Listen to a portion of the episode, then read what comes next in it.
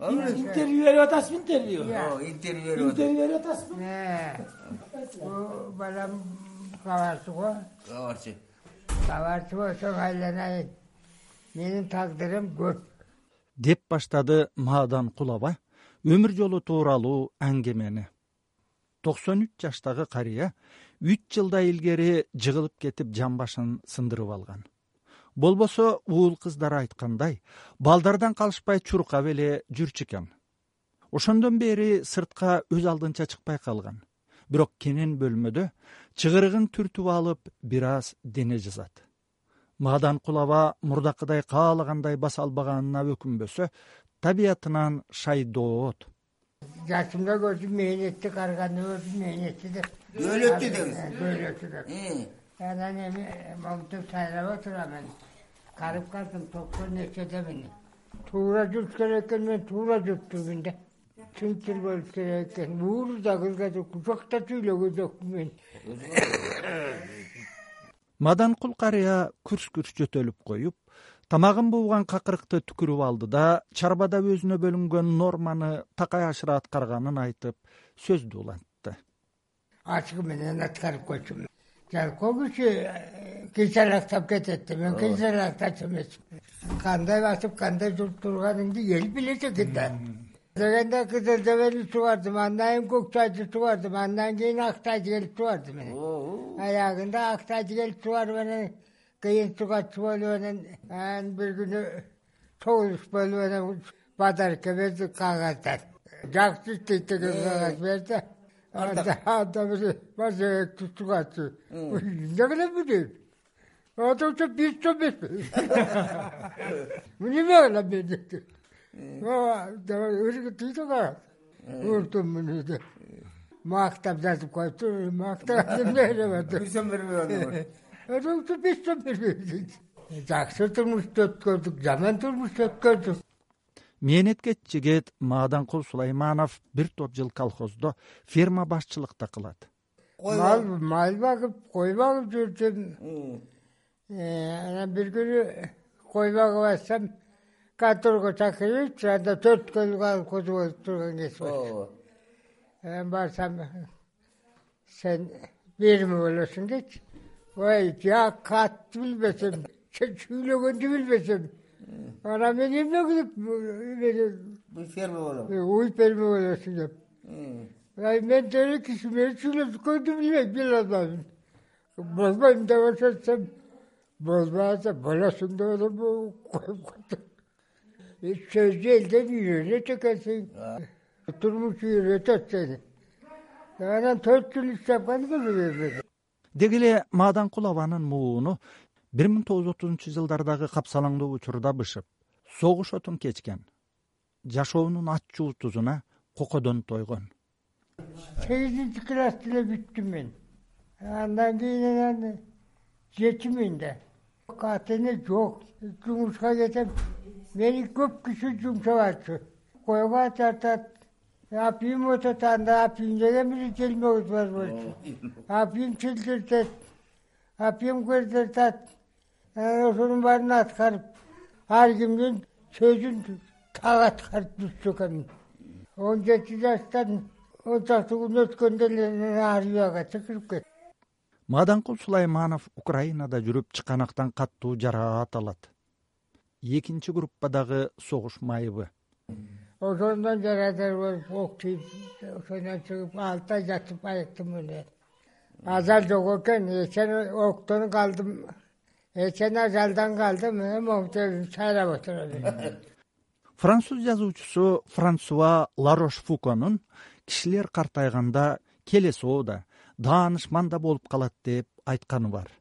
Мен мааданкул карыянын сөзүн тыңшап отуруп даанышмандыкты жана жаш баладай жөнөкөйлүктү байкадым. А жөнөкөйлүк өзү улуулуктун белгиси го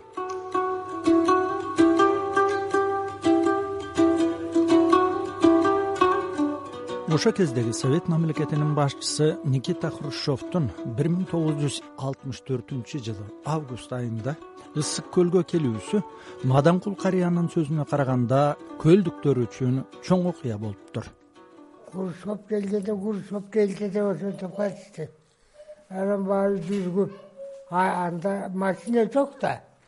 Ат менен жүрчүбүз. Утка сүпчүк кесип анан кийин грузовик деген келиптур элдин баары жуулдашып атсаң атсам жөөсү жөө. Көлдү бойлоп жүрүп отуруп грузовик ушул тетип кара колдун чатынан барып сууга түшүптүр. Жылагачланып алып анан ошондо карыялар айтты. Орустун карыялары да бар анан кыргыздын карыялары. Бекер бекер эчим көрсөтөт. Бекер түштү жылагачтан эле койсо болмок.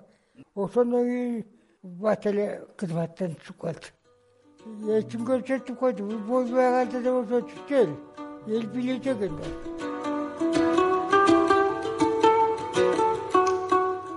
Сиздер токсон үч жаштагы мааданкул карыянын карапайым өмүрү деген берүүнү угуп жатасыздар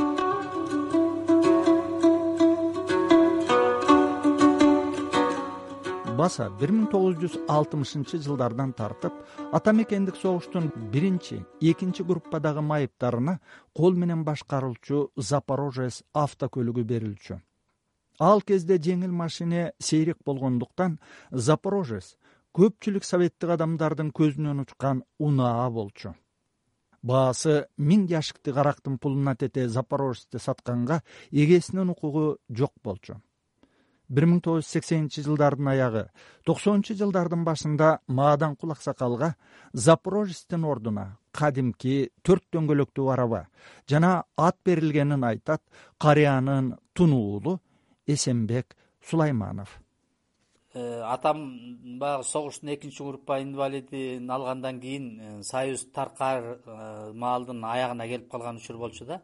Анан ал учурда биздин кыргыз республикасы запорожецтин ордуна э, ат араба бере баштаган кадимки ат кадимки эле э, ат анан арабасы менен биз ошол атама баягы экинчи э,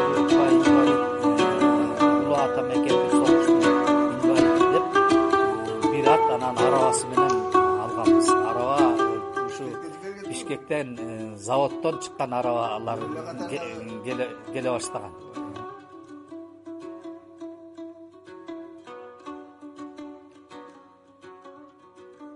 жашы токсон ашкан аксакалдын балалыгы кунары жок жылдарга туш келгени менен баладай санаасыз жана оюнга тойбогон күндөрдү да көрүшкөн алар.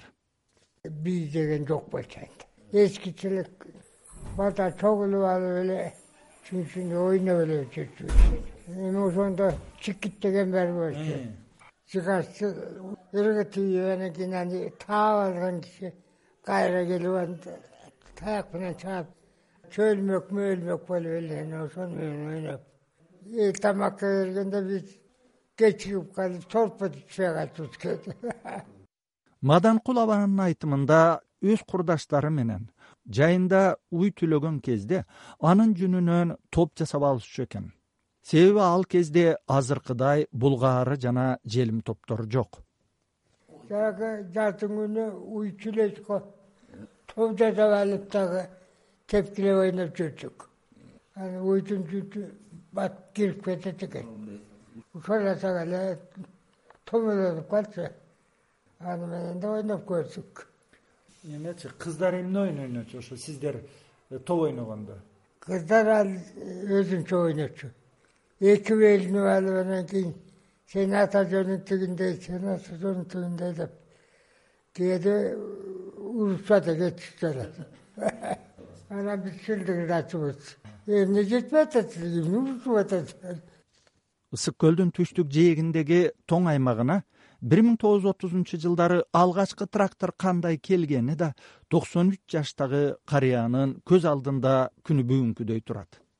Биринчи келгенде эле мен кичине чакта жанагы дөңгөлөктөрү арсайган түштүү тракторлор келип калды. Ошону ээчип алып подземке батчубуз көрөлү деп сонун курап анын баары жогобойду ажайып балалык дүйнө да бозулан жаштык менен акырындап кош айтышканы табигый көрүнүш эмеспи. Биз көк сайдан эле келатканда буркураган эле чаңдаган эле сонун жыт көрүнчү. Ал жыттын баары жогойду от болчу. Чүйлө чүмчүктүн баары чыкчу а көрсөтүк токойдо чыгып атты жыттын баары чычырганакы ит муруну жылгын дегенде чөп сонун чөп бербей эле токойлор бар эле анын баары жоголду а көрсө жанагы абаны оңдоп аткан ошол токойдун жыты экен да. Жана токой көп болсун деп атканыбыз азыр деле айтып атпайсыңарбы токой көп болсун токойго тийбегиле деп атпайсыңарбы жыттын баары абанын баары ошол токойдон чыгат экен да. Тили токойдун жыттары келип алып абаны оңдойт экен турчу жытыбыз ичиги жок какыраган эле таш калып атып ташы дагы анда илгери ошол ушул сайдын ташы жөнүндө көп болчу. Кызыл таш сары таш сары ала таш